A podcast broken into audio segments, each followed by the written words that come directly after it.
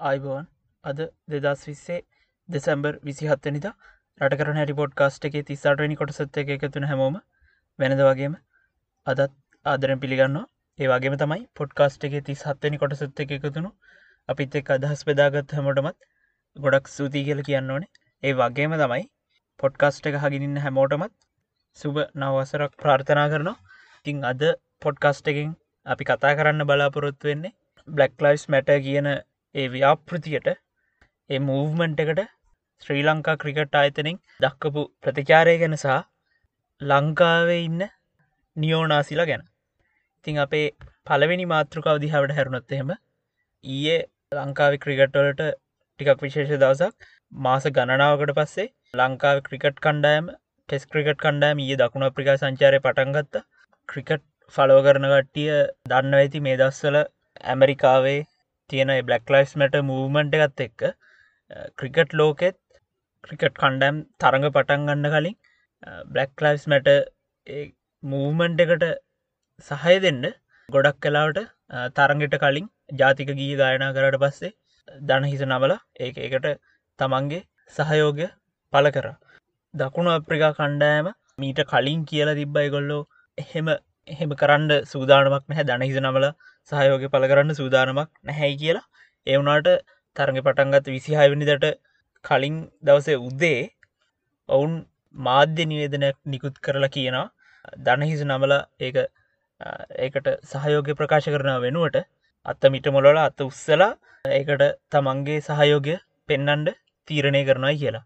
එතෙන් ඒගොල්ල කියන්නේ මේ දනිහිස නමන එක දේශපාලනි කරණය වෙලා මොකද එක ඒක පටන්ගත්තේ ඇමරිකාවේ ඇමරිකන් ෆුට්බෝල් ගහන ක්‍රීඩකෙක්. ජාතික ගිය වෙලාවෙ සීරුවෙන් හිටගන්න ඇතුව දනහිස නමල බ්ලක් ලයිස් මට මූමන්ට් එකට සහය පල කරන්න පටන්ගත්තයත් එක් ඉතිං දකුණ අප්‍රිකා කණ්ඩෑම කියන ඒක දේශපාලනි කරණය වෙලා ඒක හන්දා අපි ඒ වෙනුවට අත්ත මිටමලෝල අත උත්සල අපේ සහයෝගය ඒ වෙනුවෙන් පෙන්න්නනයි එතකොට දකුණ අප්‍රිකා කණ්ඩෑම තීරණය ගන්නේ තරගේ තියෙන දවසට තරගය පටන්ගන්න දසට කලින් මේක ගැන ලංකාවේ ඒස්පින් ක්‍රික්කන් ෆෝ නිියස් නාලිකාව වෙනෙන් වැඩ කරන ඇන්ඩරු ෆිඩල් ෆනන්ඩු වාර්තා කරන ඇන්ඩරු ෆිඩල් ෆනන්ඩුට අනුව දකුණ අප්‍රිකා ක්‍රිකට් බෝඩ් එක ලංකා ක්‍රිකට් බෝඩ් එකින් අහනා ලංකාවත් මේ බ්ලක්ලයිස් මැට එකට සහයෝගය දෙන්න මේ විදිහට අත උත්සලා ඒකට එකතු වෙන්න කැමතිද කියලා එකට සහය පල කරන්න කැමතිද කියලා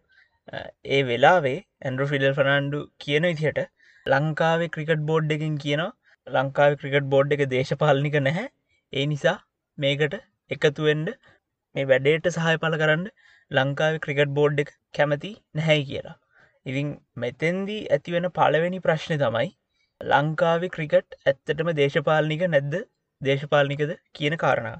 ඉතින් ඒකට අපිට සීයට සීයක් ඒක ඔප්පු කරන්න පුළුවන් නිදිහ ක්ෂි නැති හන්ද?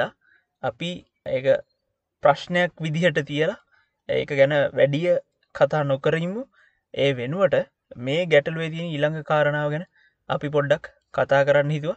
මොකද දැන් මේ ශ්‍රී ලංකා ක්‍රිකට් දකුණ අප්‍රිකා ක්‍රිකට්වල්ට ලබාදීල තියෙන උත්තරේ හැටියට පිට තේරෙන දේ තමයි ශ්‍රී ලංකා ක්‍රිකට් එකටනුව බ්ලක්ලයිස් මැට කියල කියන්නේ දේශපාලනික ප්‍රශ්නයක්. ඒගොල්ලු මේක දකින්නේ ට්‍රම්ප්ට සහය දෙන කට්ටිය එක පැත්තක ට්‍රම්ප්ට සහය නොදෙන කට්ටිය තව පැත්තක වගේ විදිහට. ඒක හන්ද තමයි ඒගොල්ලො මේ මේ වැඩේට තමන්ගේ සහයෝගය දෙන්න බැහැයි කියලා තියෙන්නේ. ඉතිං හැබැයි හැබැයි අපි තේරුම් ගණ්ඩෝනදේ තමයි විශ්වාස කරන දිහට ලක්ලයිස් මැට කියල කියන්නේ ඇමරිකාවට විතරක් අදාළ ප්‍රශ්නයක් නෙවෙයි.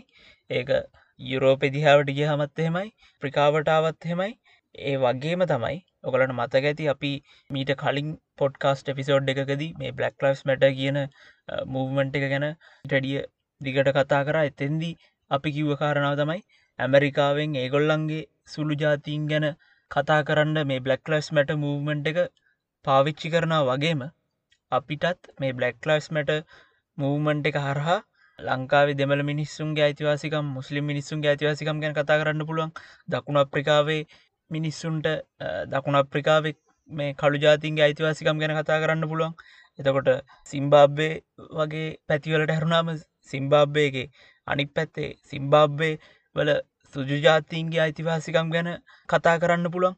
ඒ වගේ ක්ලස් මැට කියලා මෙතැන්දි එකට නමදාලා තිබ්බට ඇත්තටම එතන හරේ තියෙන්නේ මේ මේ ව්‍යාපෘතියේ හරේ තියෙන්නේ සුළු ජාතින්ගේ අයිතිවාසිකම් වෙනුවෙන් කතා කරන එක.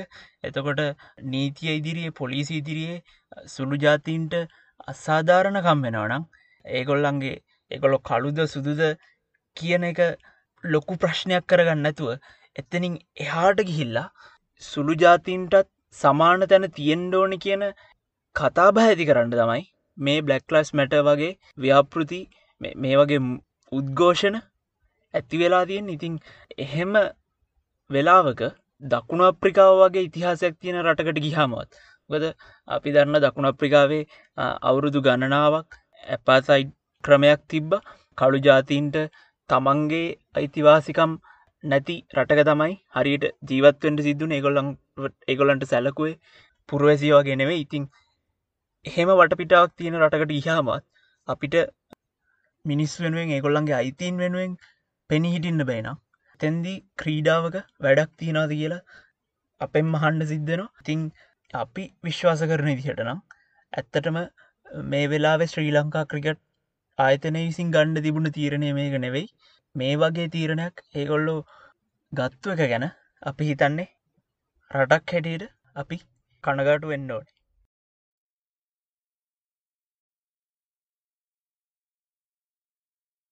ඊළඟට අපි කතා කරන්න බලාපොරොත්තු වෙන්නේ ලංකාවේ ඉන්න නියෝනාසිලා ගැන.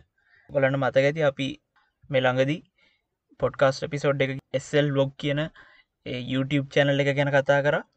තිං එයාලා ඒ YouTube චැනල් එකෙන් පහුගේ දවසක ජනප්‍රී මාධ්‍යවේදියක් කෙන වික්ට අයිවන් එක්ක සාකච්ඡාවක් කරලා ඒක අප්ලෝඩ් කරලා තිබ්බ. ඉතිං මේ සාකච්ඡා බලනකොට අපි දැක්කපු යම් කිසි කාරණාවක් හන්ද තමයි අද මේ සිංහල නියෝනාසිල ගැන අපි කතා කරන්න හිතුවේ. ඉතින් මේ සාකච්ඡාවට අවත්හෙම මේ සාකච්ඡාවිදි වික්ට අයිවන් කියනවා. කාවට බ්‍රිතාන්නෙන් සහ යුරෝපෙන් ආක්‍රමණික එන්න කලින් ලංකාව හිටියේ නොදියුණු ජාතියක්. කුල ප්‍රශ්න තිබුණ. එතකොට වහල්ලු හිටිය. ළමා මරණ තිබ්බ වගේ දේවල් එයා එතෙන්දි කියන එක උදාහරණ හැටියට පෙන්න්නන ලංකාවේ නොදියුණු බව ගැන කියන්න.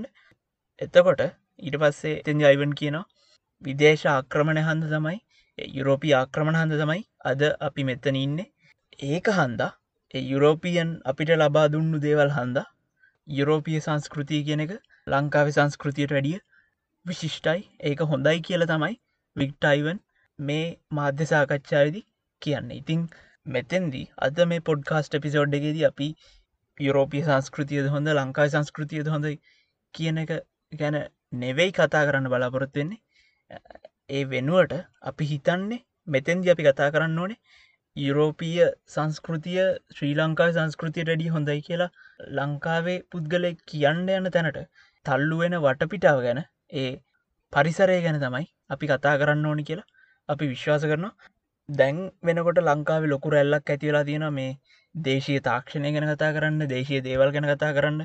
ඒක හොඳටම පෙනුන තැන් නැත්තමයි අර කොරෝනවලට පැණි බෙහෙත් හදර තියෙනයි කියලා මේනකොට රට හැමතැනම ඒක තැන්වලින් මිනිස්සුමත් වෙන්න පටන් කරන්න තියෙන ඒකත් එක්ක ඒ ඒ මාතෘකාව මුල් කරගෙන අපි මීට කලින් කතා කර දේශීය දේවල්ම විතරක් හොඳයි කියලා කියන කට්ටී ගැන ඒගොල්ලන්ගේ මතය ගැන ඒගොල්ල විශ්වාස කරන දේ පිළිබඳ ඉතින් ඒ හන්දා අපි හිතනවා අද දේශය දේවල් විතරක් හොඳයි කියන කට්ටියගේ අනි පැත්ත ගැන කතා කරන්න ඕනි කියල. ගැන්නේ විදේශය දේවල් විතරක් හොඳ ඒක. විදේශීය සංස්කෘතිය තමයි අපිට මේ වගේ දේවල් ගැනල්ලා තියෙන්නේ කියන කට්ටි ගැන අපේ අදහස දක්වන්න.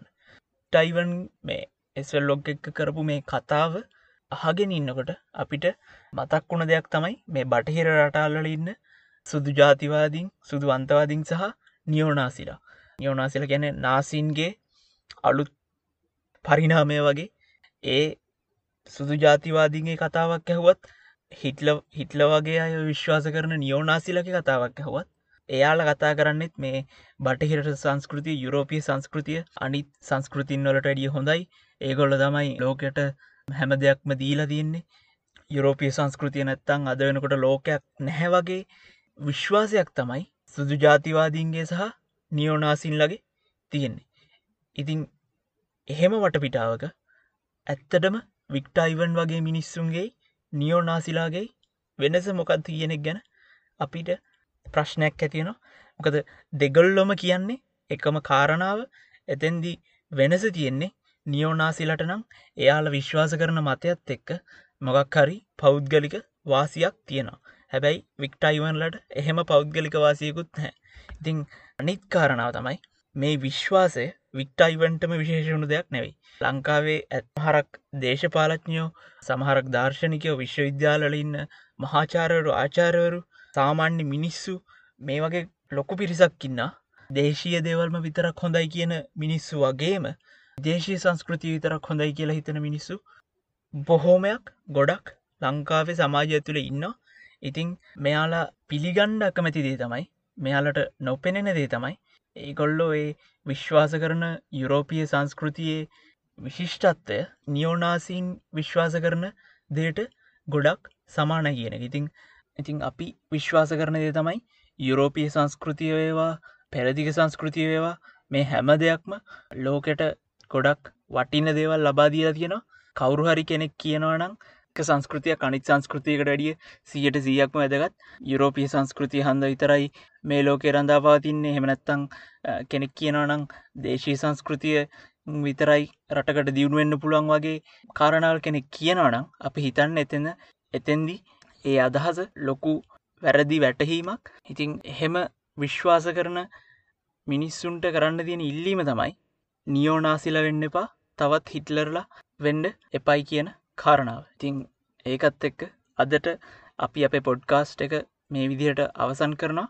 දත් පොඩ්කාස්ට් එකත් එක් එකතුනාට හැමෝටම ගොඩක් ස්තුති පොඩ්කාස්ට් එකේ තිස් නවනි කොටසිෙන් හමෙනක හැමෝටම අයිබුවන්